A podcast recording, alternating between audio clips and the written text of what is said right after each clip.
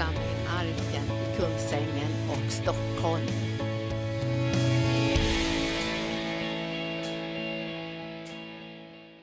Jag, jag sa ju förra söndagen att jag skulle fortsätta på temat som handlar inte bara om förföljelse men också om motstånd så att vi kan ta saker på rätt sätt och förstå varför saker och ting händer i våra liv.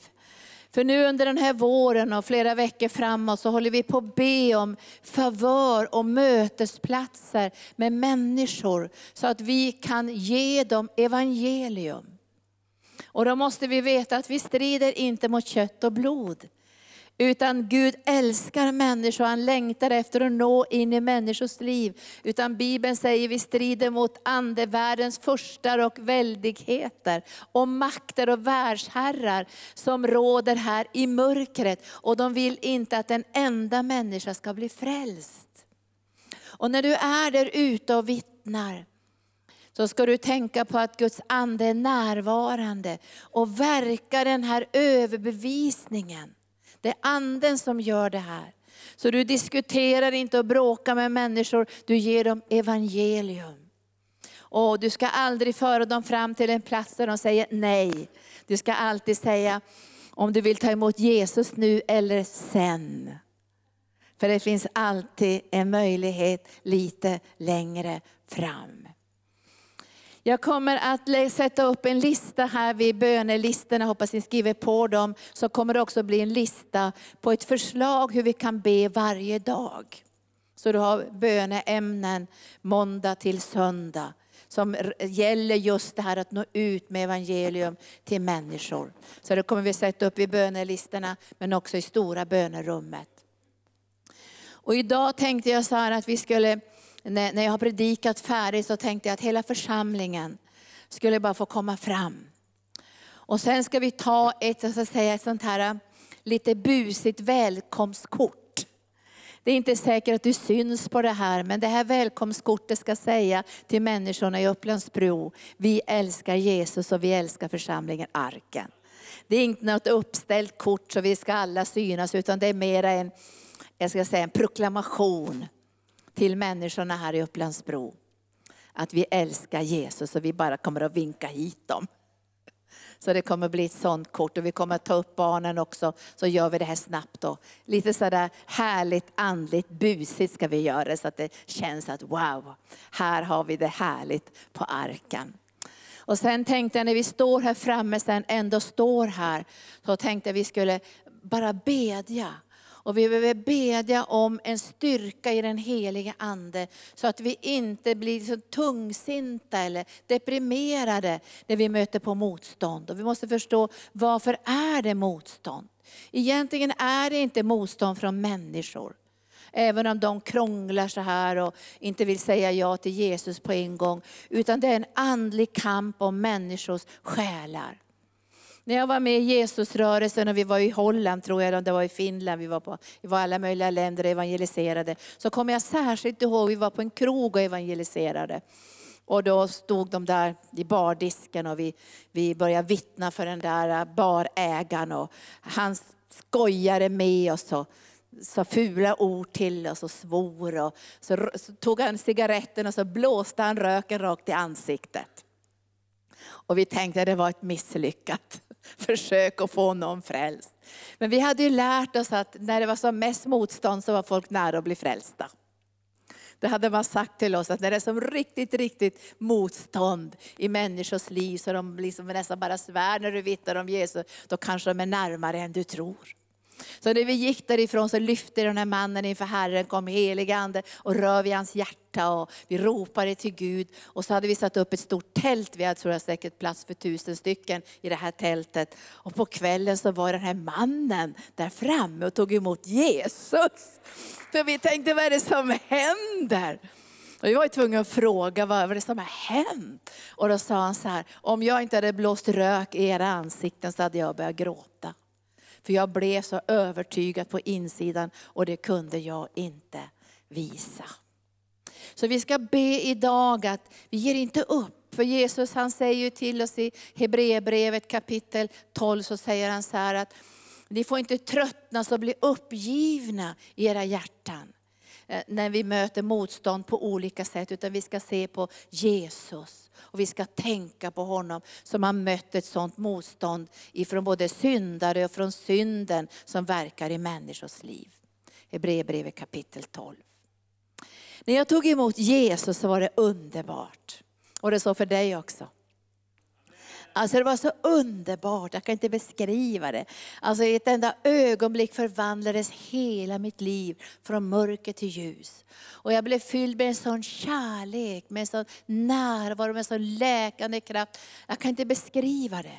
Alltså det var verkligen från mörker till ljus. Och jag tänkte så här att när det här har skett i mitt liv så måste ju alla människor jubla när jag kommer och berättar att jag har blivit frälst. Alltså jag tänkte det här måste vara det mest fantastiska, underbara. Alla kommer att kasta sig på sina knän tänkte jag. Och, och direkt ta emot Jesus på ett enda ögonblick. Alltså det var min inställning. Och jag hoppas i Gud att jag kan bevara den inställningen i mitt hjärta. Jag skulle önska att i varje, alltså förvänta mig, nu ska vi börja med en förväntan, eller hur? Vi ska ha en förväntan och vi ska inte nedslås om det inte riktigt blev så på en gång. Men vi ska ha en förväntan. Som de hade på pingstdagen när de predikade ordet, så föll Guds ande och 3000 människor blev frälsta i ett enda nu och de fick ett styng i sina hjärtan. Men när jag kom tillbaka till universitetet så tänkte jag alla kommer att bli superglada. För jag var ju så, hade ju så jättejobbigt i mitt liv. Och jag fick, då sa de vad det som har skett i ditt liv. De såg ju att det var någonting som hade förändrats. För att jag hade gråtit så mycket så jag var alldeles svullen runt ögonen. Och fort jag bara tänkte Jesus så började jag gråta. För det var en sån kraft av helande som flödade in i mitt liv. Och jag älskade Jesus. Och då frågade människor vad det som har skett i ditt liv och så sa jag, ja jag vet inte riktigt så mycket, jag kan inte berätta så mycket sa jag. Men, men jag har tagit emot Jesus och jag är frälst.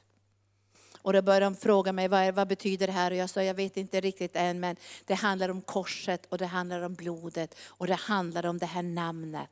Det underbara namnet Jesus. Den dagen visste jag att mitt liv på det sätt som jag hade levt tidigare, var full, det var slut. Det var borta. Och jag tror inte jag förstod, för det blev ett otroligt motstånd. Jag måste säga det, jag var ju mitt i vänsterrörelsen. Och jag var själv mitt i vänsterrörelsen.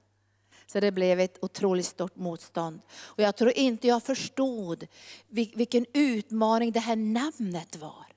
Jag tror inte jag förstod vilken utmaning det var att bära det här namnet. Och Paulus han säger ju att, att han säger så att, att i Galaterbrevet, de här människorna försöker undkomma korsets stötesten. Men så säger han, jag skäms inte för evangelium och jag vill predika korset. Alltså jag förstod inte när jag tog emot Jesus som frälsare, hur radikalt det här namnet var. Vad det skulle innebära att bära det här namnet. Och därför så döpte jag mig ganska så snart och la mitt gamla liv i dopgraven. För jag visste, det här gamla livet som jag har levt, det kan jag inte leva något längre. För jag har ett namn som är nämnt över mitt liv. Och jag bär Jesus närvaro och Jesus själv i mitt hjärta. Och mitt liv kommer aldrig att bli detsamma igen. För det här namnet, alltså den personen jag tog emot som bar det här namnet. Det vet ju vi idag att det finns ingen frälsning än genom det här namnet. Alltså det finns ingen som kan vara medlare än Jesus Kristus. Det är bara det här namnet som kan ge frälsning. Och det här namnet är det högsta namnet. Det är Gud som har satt det här namnet över alla andra namn. Så att varenda knä ska böja sig, varenda tunga ska bekänna att Jesus Kristus är Herre. Och så får du och jag bära det här namnet. Det är klart att det blir motstånd. För det finns andra namn och andra makter som gör anspråk på att vara större och starkare och härligare än namnet Jesus. Det kallar vi för den andliga kampen. Och vi är mitt i den andliga kampen. Jag hade en kollega som för många år sedan så mådde så fruktansvärt dåligt för det blev en sån turbulens när han började ta efterföljelsen av Jesus på allvar. Han hade liksom levt ett ganska neutralt, ska jag säga, lite grann religiöst liv. Och det hade inte hänt så mycket. Men så gjorde han beslut i sitt hjärta, jag ska efterfölja Jesus. Jag ska ta mitt andliga liv på allvar. Jag ska vittna om Jesus, jag ska inte skämmas för Jesus. Jag ska stå för Jesus. Och när han gjorde det beslutet i sitt hjärta först, så började det hända saker i andevärlden. Och så blev det en väldigt, väldig turbulens och förföljelse runt hans liv. Och jag kommer ihåg att han blev så nedslagen. Och jag sa så här, du är nedslagen men du är inte utslagen. Du är inte utslagen. Just nu är du nedslagen men inte utslagen. Och han mådde så dåligt. Så han, han blev sjuk av förföljelse. Och han sa så Linda, jag förstår inte det här. Jag är ju egentligen en kärleksfull person. Och jag kände honom som förr och jag visste att han var en otroligt kärleksfull person. Med stor empati, trogen i sin uppgift och trogen i sitt arbete. Och så hände allt det här runt honom. Och då sa jag så här, det här händer inte dig för att du är snäll eller inte snäll. Det här händer inte dig för att du är kärleksfull eller inte kärleksfull. Det här händer dig för att du står tillsammans med Jesus. Så attackerna kommer egentligen mot Jesus. Men du har valt att stå tillsammans med Jesus. Och då har Jesus valt att om du blir förföljd för hans namns skull, då ska härlighetens ande vila över dig. Och jag tror att han fick mycket, mycket tröst av de orden. Och jag ska läsa dem för dig från Petrus brev. jag avslutade sist och då läste jag också ifrån Petrus brev. Och jag tänkte jag skulle läsa det för dig ifrån, ifrån första Petrus brev kapitel 3 och 13. Vem kan göra er något ont om ni brinner för det goda? Vem kan göra er något ont om ni brinner för det goda? Glöm inte att ta på dig andens vapenrustning. Ibland får man mejl och brev och saker som skulle kunna vara som vassa nålstick mot hjärtat. Men om du har rättfärdighetens pansar över ditt hjärta så beskyddas din relation med Jesus på insidan. Och så säger Petrus så här, Ja, även om ni får lida för det som är rätt, är ni saliga. Var inte rädda för dem och låt er inte skrämmas. Herren Kristus ska ni hålla helig i era hjärtan. Var ständigt beredda var ständigt beredda att svara var och en som ber er, att förklara det hopp som ni har. Men gör det ödmjukt med respekt och med ett rent samvete. Så att de som talar illa om ett goda levande i Kristus får skämmas för sitt förtal. För det är bättre att lida för goda gärningar, om det skulle vara Guds vilja, än för onda gärningar. Och så säger Herren i första Petrus brev kapitel 4, versen 12. Mina älskade, var inte förvånade över en eld som ni måste gå igenom för att prövas. Som om det var någonting oväntat som händer er. Nej, gläd dig ju mer ni delar Kristi lidanden. Då ska ni också få jubla och vara glada när han uppenbarar sig i sin härlighet. Och när jag läste det här tänkte jag, det är inte bara när han kommer på himmelens skyar, utan i sin härlighet i ditt och mitt liv. Mitt i församlingens hjärta ska Gud uppenbara sin härlighet. Och det står i Bibeln att när Paulus blev fängslad för evangelium, då fick de andra större frimodighet att predika. Borde det inte ha varit tvärtom istället? Nej, det var, det var, precis så det var. Att när man såg någon som var villig att offra någonting, lägga ner sitt liv, vara villig att lida för en högre kallelse, så gav det inspiration. Det, det kände det här var ju värdefullt. Och människor måste få känna att vår kärlek till Jesus, vår efterföljelse, det är någonting värdefullt. Det är vår skatt och det är vår pärla. Och så säger Petrus så här, Nej, gläd ju mer ni får dela Kristi lidanden. Då ska ni få jubla när han uppenbarar sig i sin härlighet. 14 versen. Saliga är ni om ni hånas för Kristi namns skull. Idag ska vi tala om namnet. Om ni hånas för Kristi namns skull. För härlighetens ande, Guds ande vilar över er.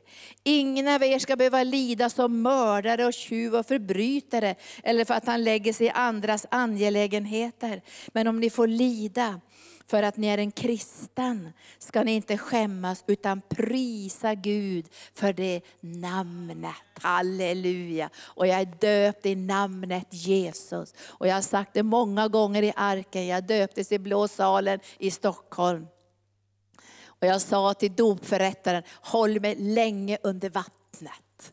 Så jag hinner säga, nu dör jag från mitt gamla liv, för jag visste det är slut. Och jag måste hitta det nya livet. Mitt liv definieras inte av om jag är kvinna, eller av min ålder, eller av min utbildning, eller av mitt arbetsliv, mina livserfarenheter. Där definieras inte mitt liv. Världen skulle kunna definiera ditt och mitt liv av sådana saker. Hur vi ser ut, vilken ålder vi har, vilken utbildning vi har, vilket nätverk vi har. Mitt liv definieras av en enda sak. Jag är Herrens tjänarinna. Ske mig som du har befallt.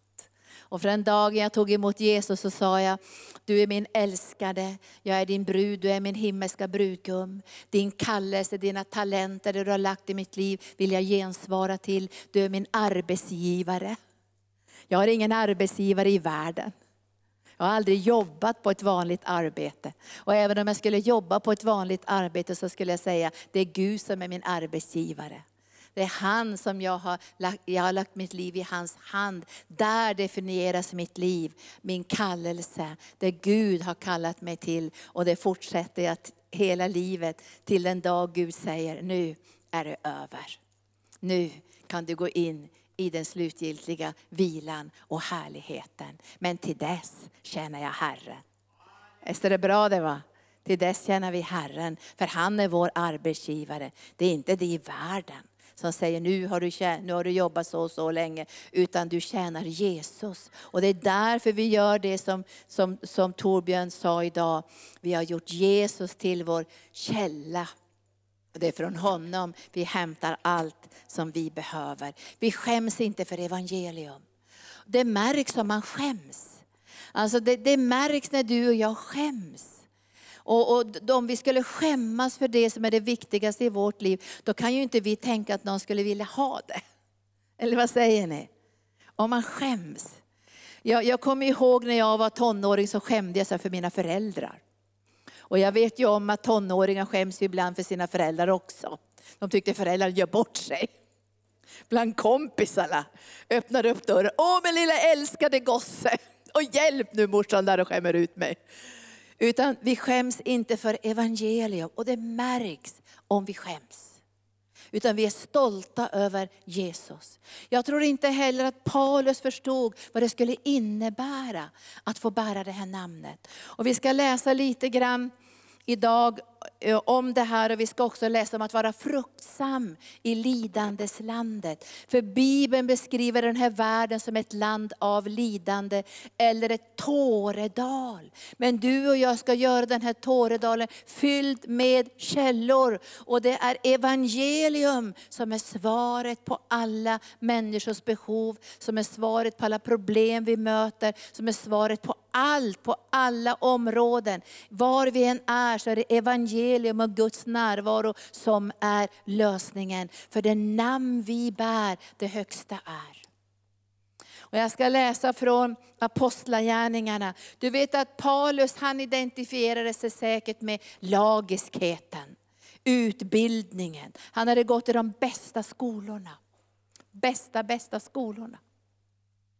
Han hade suttit vid Gamalies fötter. Man kan säga att han var en påläggskalv. Han, han var riktigt påläggskalv, alltså han var på väg att göra karriär. Och han ville visa sitt allra bästa på, sitt, på sin bana. Så han bad till och med om rekommendationsbrev. Han bad om, om auktoritet att kunna fängsla både män och kvinnor och barn och kasta dem i fängelse därför att de älskade Jesus. Så radikal var han. Och han var så radikal för han ville säkert ha alla ledare på sin sida inom farisépartiet och ni vet allt det här gamla testamentet. Så han till och med stod och log och gav sitt erkännande till att döda en av de mest fantastiska helande evangelister som, som, som man kan läsa om i, i, i Nya Testamentet. Visst är det tragiskt? Stefanus blev stenad och han hade ett ansikte som lyste som en ängels ansikte. Det var den mannen som blev slagen av Guds härlighet och föll ihop på vägen till Damaskus. Och jag ska läsa det för dig här i kapitel 9 versen 3. När Paulus som hette Salus då var på väg på sin resa och närmade sig Damaskus, så strålade plötsligt ett ljus från himlen omkring honom och han föll till marken. Och han hörde en röst som sa till honom, Saul, Saul, varför förföljer du mig? Då frågar han, vem är du Herre? Rösten svarade, jag är Jesus den som du förföljer. Men res dig och gå in i staden så ska du få veta vad du måste göra. Jag är Jesus. Så all förföljelse som riktade sig mot kvinnor och barn och alla som följde Jesus och var troende, riktade sig egentligen rakt mot Jesus. När du ser det här och vet det här, då kommer du hålla Jesus helig i ditt hjärta. Och du kommer inte bli hämndlysten och, och hård och, och arg och, och, och, negativ och komma i diskussionslusta för du kommer att tänka, det här händer på grund av Jesus. Det är Jesus som blir förföljd, det är inte jag. De är inte arga på mig egentligen, det är Jesus. Och Det här gör också att du och jag tänker oss för när det händer oss saker. Och det står, jag läste också det här när, när vi sjöng lovsången, att vi räknas som slaktfår. Och Jesus öppnade inte sin mun. Och Bibeln har lovat att Gud skall försvara dig genom sin helige Ande. Och då vill jag säga så här, gå inte ut i köttet. Gå inte ut i köttet. Tänk så här, det här handlar inte om mig, det här handlar om Jesus. Och har du varit oförskämd eller kötslig eller dum och bråkat med folk, då får du be om förlåtelse. Men när du börjar tänka så här, det här handlar om Jesus. Allt det här handlar om Jesus därför att det namn jag bär, det högsta är. Och nu ska jag läsa vidare här, Ananias profeten. Han kommer till Paulus och så säger han så här i femtonde versen så säger Herren till Ananias att du ska gå till Paulus och så ska du säga de här orden. Gå, säger han till Ananias, gå till Paulus och be för honom, för han är mitt utvalda redskap för att bära fram mitt namn inför hedningar och kungar och Israels barn. Och jag ska själv visa honom hur mycket han måste lida för mitt namns skull för mitt namns skull.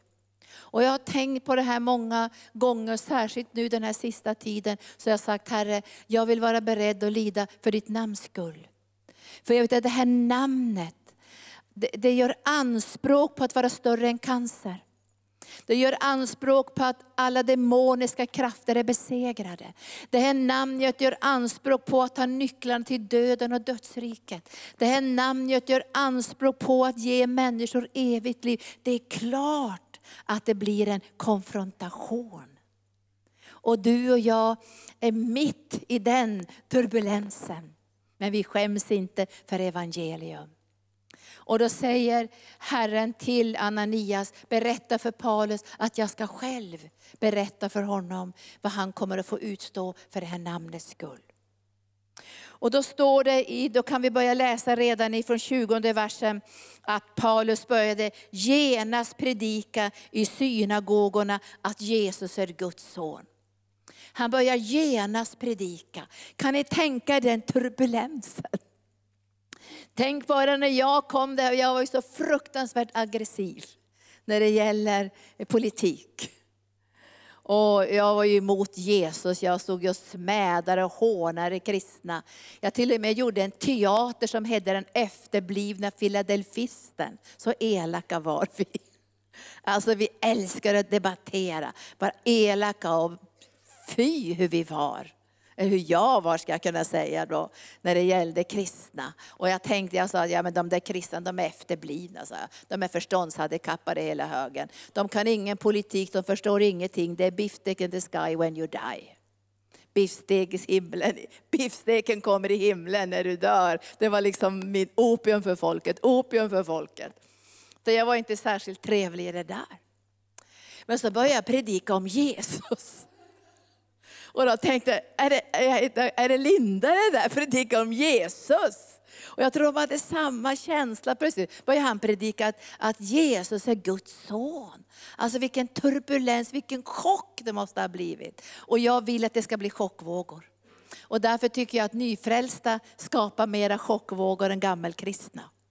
När man kommer tillbaka på sin skola och säger, jag älskar Jesus, chockvåg. Jag tänker inte knarka någon längre chockvåg. Jag tänker inte leva i sexuell orenhet längre chockvåg. Jag tänker börja tionde chockvåg. Jag tänker gå med i en församling chockvåg. När nu ska jag ut och evangelisera, ska inte på krogen längre, chockvåg. Alltså ni som är nyfrälsta, skapa chockvågor, halleluja. Lova mig det, vi ska chocka chocka med vår efterföljelse. Och de var så chockade, för han, började, han skulle förfölja, vad, vad är det nu för någonting? Fick inte du rekommendationsbrev och skulle inte kasta folk i fängelse? Och här står du och predikar om Jesus. Och alla som hörde honom häpnade och sa, var det inte han som i Jerusalem utrotade dem som åkallade namnet? Vers 21 kapitel 9. Skulle inte han utrota dem? Alltså, det är inte säkert att ditt liv är sådär från totalt mörker till ljus, men du har alltid ett fantastiskt vittnesbörd om hur du blev frälst. Och så står det så här, och, han, och kom han inte hit för att gripa dem och föra dem till översteprästerna? Nu hade de bara frågor. Vad är det frågan om? Och jag älskar det. Vad säger ni då? Alltså vi ska inte vara så, så att säga, osynliga eller så utsuddade, så rädda och så ängsliga att ingen reagerar längre. Vi ska inte, människor ska inte reagera för att vi är kärlekslösa, påträngande, eh, arroganta. Det är inte det. Utan det är det vittnesbördet vi bär att Jesus är Messias. Halleluja. Och nu ska ni få höra här. Men Saulus, vers 23, fick allt större kraft och gjorde judarna i Damaskus svarslösa när han bevisade att Jesus är Messias. Vad var det som hände? Det kom en smörjelse som gjorde att han kunde tala med som bevisning. Och de blev jätterädda och tänkte alla kommer bli frälsta nu. Det är det som djävulen är rädd för, jag lovar dig det. Han är så rädd för det. För att om du börjar få Guds härlighet och börjar bevisa att Jesus är Messias, då tänker han alla kommer att bli frälsta. När jag, när jag utbildade mig till diakonissa så skulle vi vara på Sigtuna där och ha någon kurs där på skolan där. Och jag var ju så snabb, jag ville evangelisera överallt. Så jag gick till rektorn och sa, kan, kan jag få komma in i några klasser här? Och berätta lite grann om, da, da, da, da, da, om att jag har fått ett förvandlat liv. Och rektorn sa, ja du kan få två klasser. Så jag gick ju in i de här klasserna, kanske var 20-30 ungdomar och så började jag berätta hur Jesus hade frälst mig, förvandlat mig. Och så väntade jag för att se om det skulle hända något i klassen. Och sen sa jag, ni kan få ta emot Jesus idag. Jag tror det var 80 procent som tog emot Jesus. Sen sa jag, ni kan bli alla befyllda med den heliga Ande. Och jag kommer särskilt en klass där de blev fyllda av den heliga Ande och började tala i tungor. Det skedde i Sigtuna. Den andra klassen var inte lika, lika öppen, men det var flera där också som tog emot Jesus. Och jag bad, kom helige Ande och överbevisa varje hjärta. Om du inte gör det nu så kommer du göra det sen. De, de, blev så rädda för att de trodde nu kommer alla att bli frälsta. Så i 23 versen står det, efter en tid kom judarna överens om att röja honom ur vägen. Men Paulus fick reda på deras plan. Jag ska själv tala om hur mycket han ska få lida för det här namnet. Och jag tror att kan hända, jag vet inte om apostlarna får mera utmaningar än andra, det är jag inte säker på, men man kan se i alla fall att Paulus fick otroliga utmaningar i sitt liv. Men han visste att han hade mött Jesus. Och när han står inför konung Agrippa så säger han inte så här, jag definierar mitt liv på, på det här sättet och på det här sättet. Han säger bara så här, konung Agrippa du måste veta en enda sak. Jag kan inte vara ohörsam mot den himmelska visionen. Vem hade han sett? Jesus. Han hade sett Jesus. Och på grund av att han hade sett Jesus var han beredd att gå in i vilken prövning som helst. Alltså jag, jag, tror inte att du och jag kommer att få möta allt det här som Paulus fick möta. Men vi ska göra de här besluten i vårt hjärta.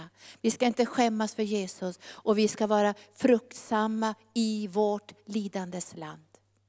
Vi ska vara fruktsamma. Och jag sa förra gången att lidande ger oss uthållighet och uthålligheten ger oss fasthet. Och jag ska läsa bara något, bara som en parentes ska jag läsa något av hans lidande när han talar om vad han har fått bära på för Jesu namns skull. Och hans attityd. Och jag, tycker, jag vill lägga betoningen mer på hans attityd och inställning. Inte på själva lidandet, utan på attityden och inställningen. Han säger ju, många gånger säger Paulus här, gör gott mot dem som hatar er. Välsigna dem som förföljer er. De som härdar ut om ni blir förföljda. Alltså han talar om inställning och attityd. Bli inte deppade, ge inte upp. På. Kom inte in i självanklagelse, utan tänk istället att ni har aktats värdiga. Att få känna av någonting konfrontationen med det här namnet som är över alla andra namn, namnet Jesus. Och Paulus han säger så här i, i den fjärde versen i kapitel 6. Nej, i allt det här vill vi visa oss uthålliga. Vi vill inte att vår tjänst ska smutskastas. För jag tror att i attacker och prövning så prövas vi, vet ni det? Det prövas någonting av de kvaliteter som finns i vårt liv. Och Paulus han säger så här, nej i allt som sker oss vill vi visa att vi är Guds tjänare i stor uthållighet i lidande, nöd och ångest, i misshandel, fångenskap, upplopp, arbete, nattvard, svält. I renhet och insikt och tålamod och godhet i den heliga Ande. I uppriktig kärlek, med sanningens ord och Guds kraft, med rättfärdighetens vapen i höger och vänster hand. I ära och vanära, i vanrykte och gott rykte. Vi kallas villolärare men vi är sanningsägare. Vi är okända men ändå erkända vi är döende men vi lever. Vi är tuktade men inte dödade. Vi är bedrövade men alltid glada. Vi är fattiga men vi gör många rika. Vi äger ingenting men vi äger allt. Och så säger Paulus i 7 och femte versen i kapitel 7. När vi kom till Makedonien fick vi ingen ro. Vi var trängda på alla sidor, på alla sätt. Utifrån av konflikter och inifrån av oro. Men Gud som tröstar de modlösa tröstade oss genom att Titus kom. Och sen börjar han räkna upp, och det är ju nästan så att man bara baxnar inför det här. Där han räknar upp i kapitel 11, allt det han går igenom för namnet Jesus. Då förstår man här när man läser det, vilken kärleksrelation han måste ha haft med Jesus. Eller vad säger ni? Alltså vilken kärlek. Han måste ha älskat Jesus mer än någonting annat och sagt att det spelar ingen roll det som händer mig, om det sker för Jesus skull. Och så säger han så här, jag, jag har arbetat mer, suttit i fängelse mer, fått hugg och slag i överflöd, ofta varit i livsfara. Av judarna har jag fått fem gånger 40 rapp minus ett. Tre gånger har jag blivit piskad med spö. En gång har jag blivit stenad. Tre gånger har jag lidit skeppsbrott. Ett helt dygn har jag drivit på öppet hav. Jag har ofta varit på resor i faror på floder, faror bland rövare, faror bland landsmän, faror från hedningar, faror i städer, i öknar på hav, faror bland falska bröder. Allt under möda och slit, ofta under vaknätter, under hunger och törst, ofta fastande, frusen och naken.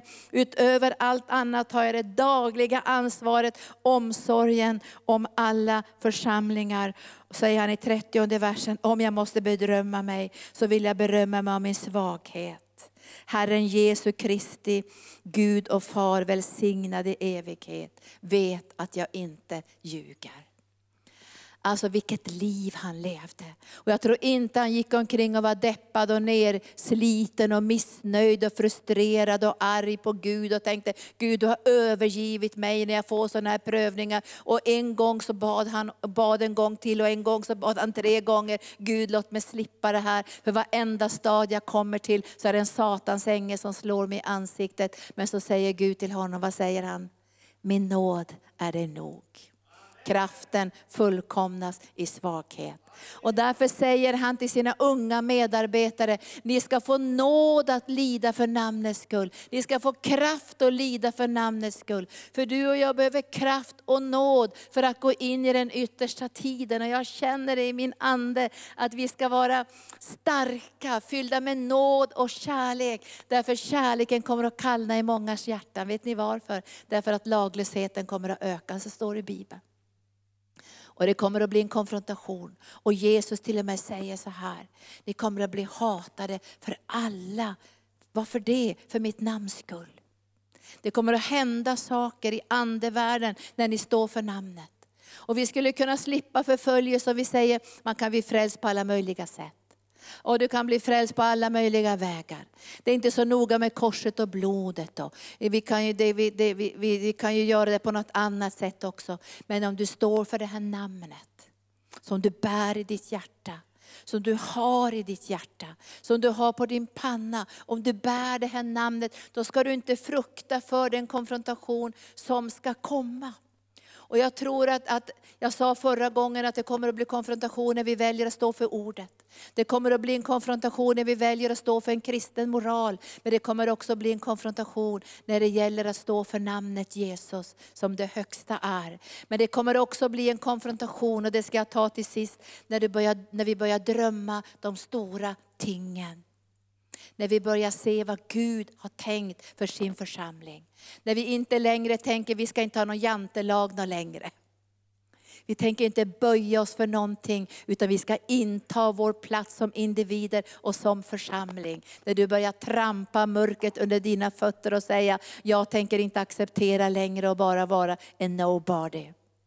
Utan jag tror att Gud har kallat mig som en ambassadör. Gud har rest mig upp i den yttersta tiden. Gud har en kallelse på mitt liv. Och jag tror att det kommer att hända någonting. Medan vi går in i en konfrontation så kommer Gud att ge dig självkänsla. Därför Gud älskar dig. Han kommer att ge dig självförtroende. Därför Gud har lagt sina gåvor i ditt hjärta.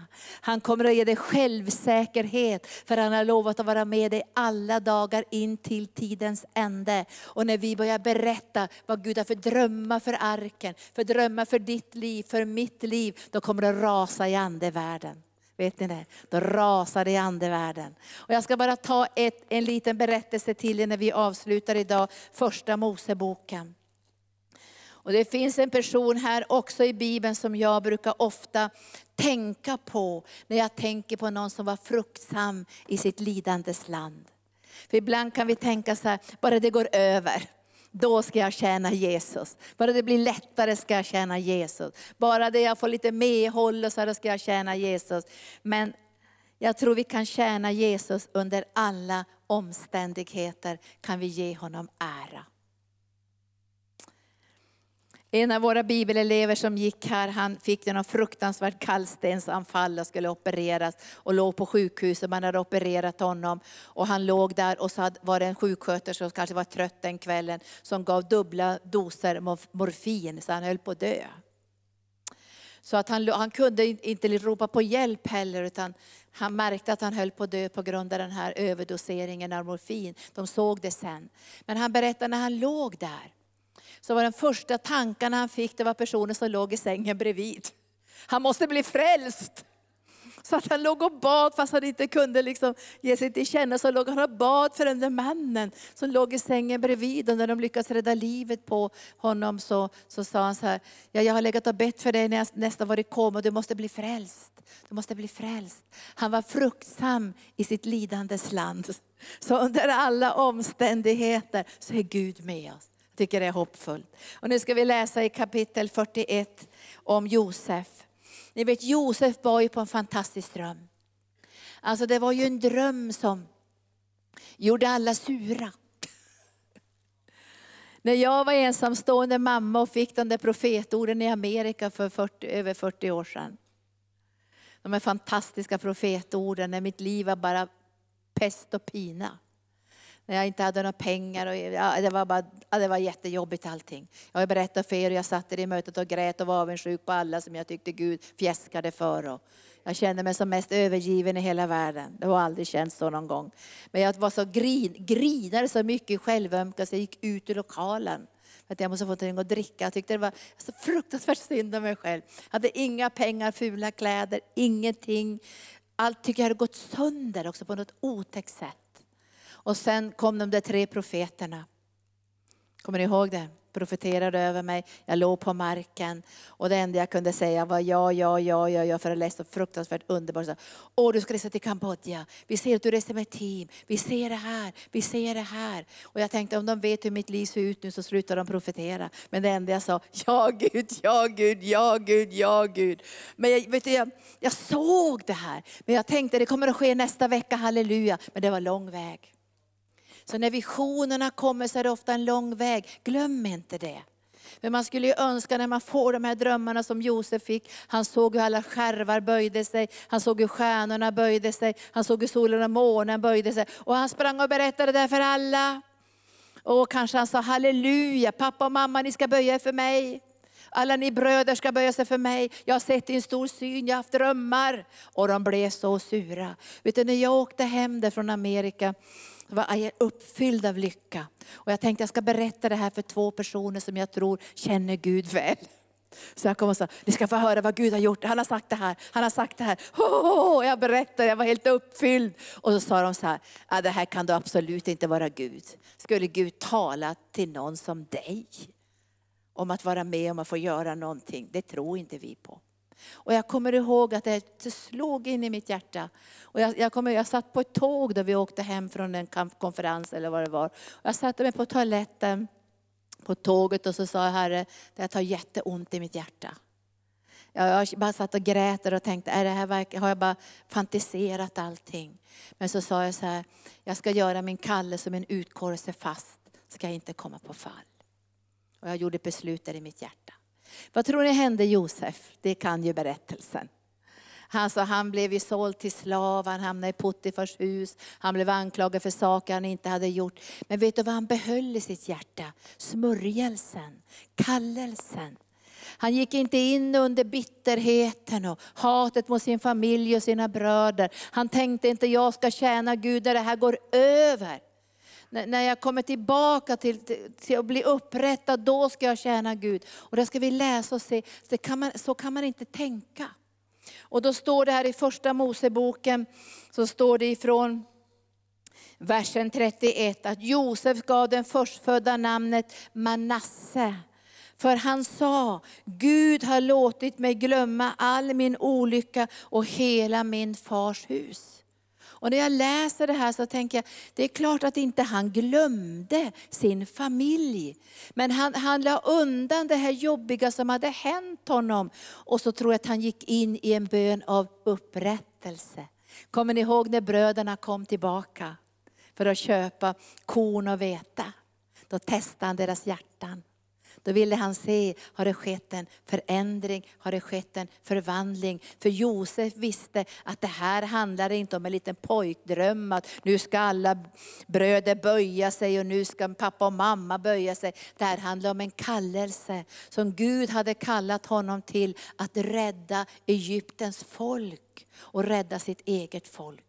Det här låg på ett helt annat plan än jag tror att Josef förstod eller bröderna förstod. Men han höll i alla fall det här han höll sitt hjärta rent. Och så säger han i versen 52, den andra sonen gav han namnet Efraim, för han sa, Gud har gjort mig fruktsam i mitt lidandes land. Vi ska vara fruktsamma. Och jag tror att om vi får gå in i, vi har ju nästan ingen förföljelse här i Sverige. Och vi har inte mycket motstånd heller och vi hamnar inte i fängelse så här. Men om vi tänker på syskon i Kina. Iran, Irak, Mellanöstern, utöver världen. Där de får utstå därför att de bestämt sig för, vi ska följa Jesus. Och jag tror att när vi gör de här besluten så kommer vi in i någonting som är fruktsamhet. Även när Josef blev attackerad på olika sätt och hamnade i fängelse så behöll han smörjelsen.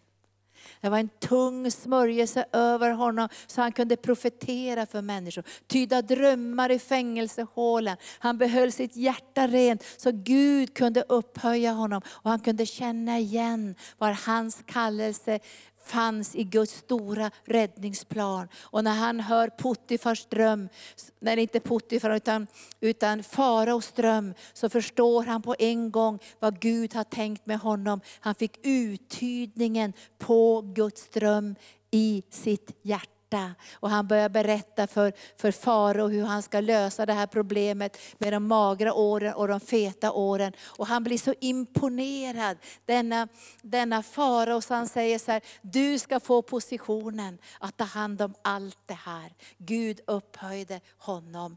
Och det kan man också se i Daniels bok, när de stod för, för Herren, när de inte kompromissade, så blev det varenda gång det blev förföljelse, så blev det också en upphöjelse ni läste?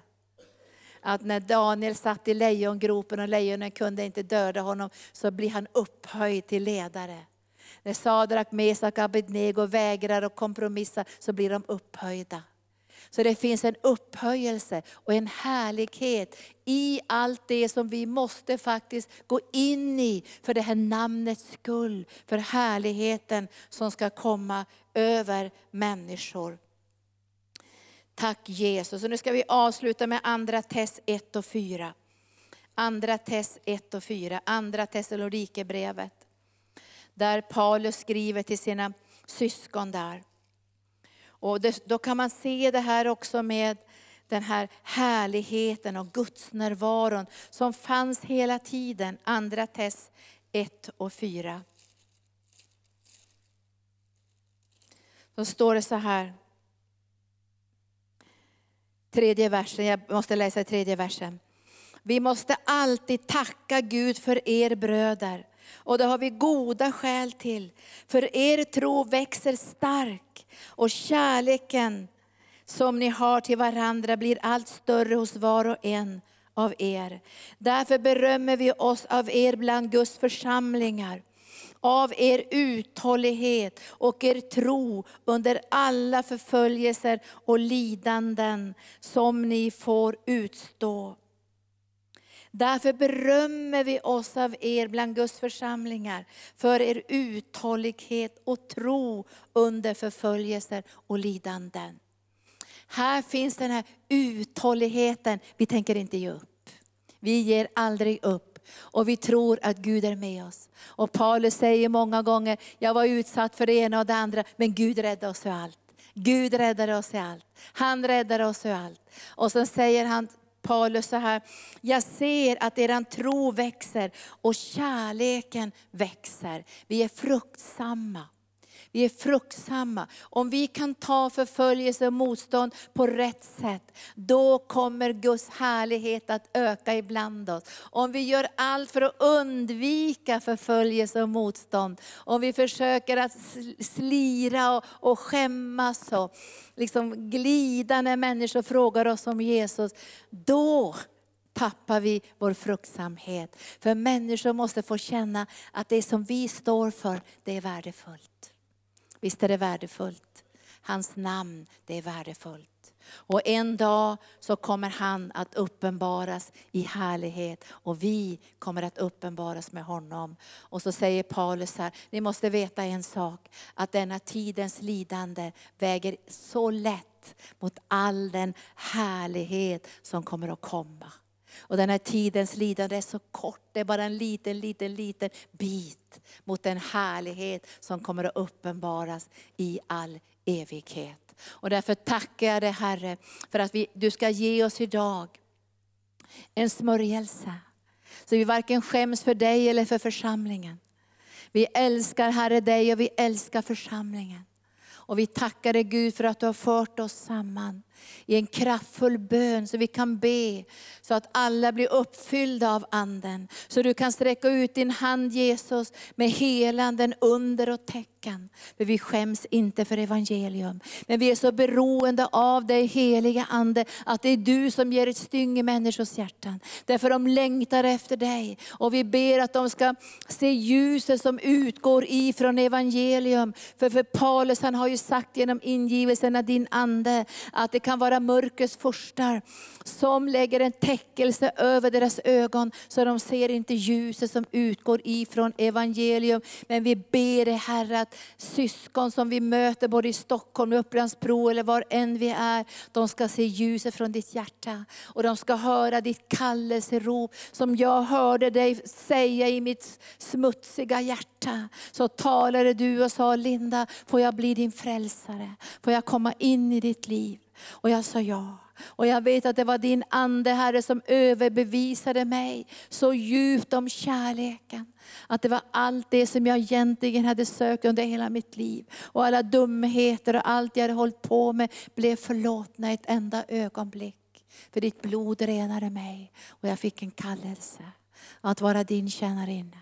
Och jag tackar dig Gud för mina syskon idag som ska bli så stolta över det här namnet. Ska bli så stolta över att tillhöra Jesus. Och alla ska märka att de är så stolta. Så jag prisar dig Herre för att du idag smörjer oss när vi gör besluten i vårt hjärta. Att vi tänker låta din kärlek strömma ut genom våra liv. Och vi tänker inte bli trötta eller uppgivna om det blir något motstånd när vi vittnar för människor. För vi vet Herre att det är du som är där med denna övertygelsen. Det är du som är där och rör vid deras hjärtan. Det är du som har fångat dem i samma ögonblick vi har nämnt ditt namn. Då har du fångat dem. Då är du där och följer dem hemåt i skolan. Då är de för evigt påverkade av dig. De kommer aldrig undan. Därför när vi har nämnt ditt namn över en människa och berättat om vår kärlek till dig, då kommer du Herre att fortsätta ditt verk fast vi kanske inte får vara där. Men vi kanske har vattnat. Någon annan kommer att röja och så kommer de till en plats en dag när de tar emot dig som sin personliga frälsare. Och därför ber jag dig Herre att du ska följa mina syskon på ett övernaturligt sätt och de ska inte vara rädda. De ska inte bli ledsna om det blir någon turbulens någonstans. Och de ska vara säkra på att om turbulensen kommer ska de inte käfta och bråka. De ska vara så milda, kärleksfulla. De ska inte hämnas, de ska göra gott, de ska välsigna. De ska övervinna det onda med det goda och de ska följa i dina fotspår. Och härlighetens ande ska vila över dem. Kom helige Ande.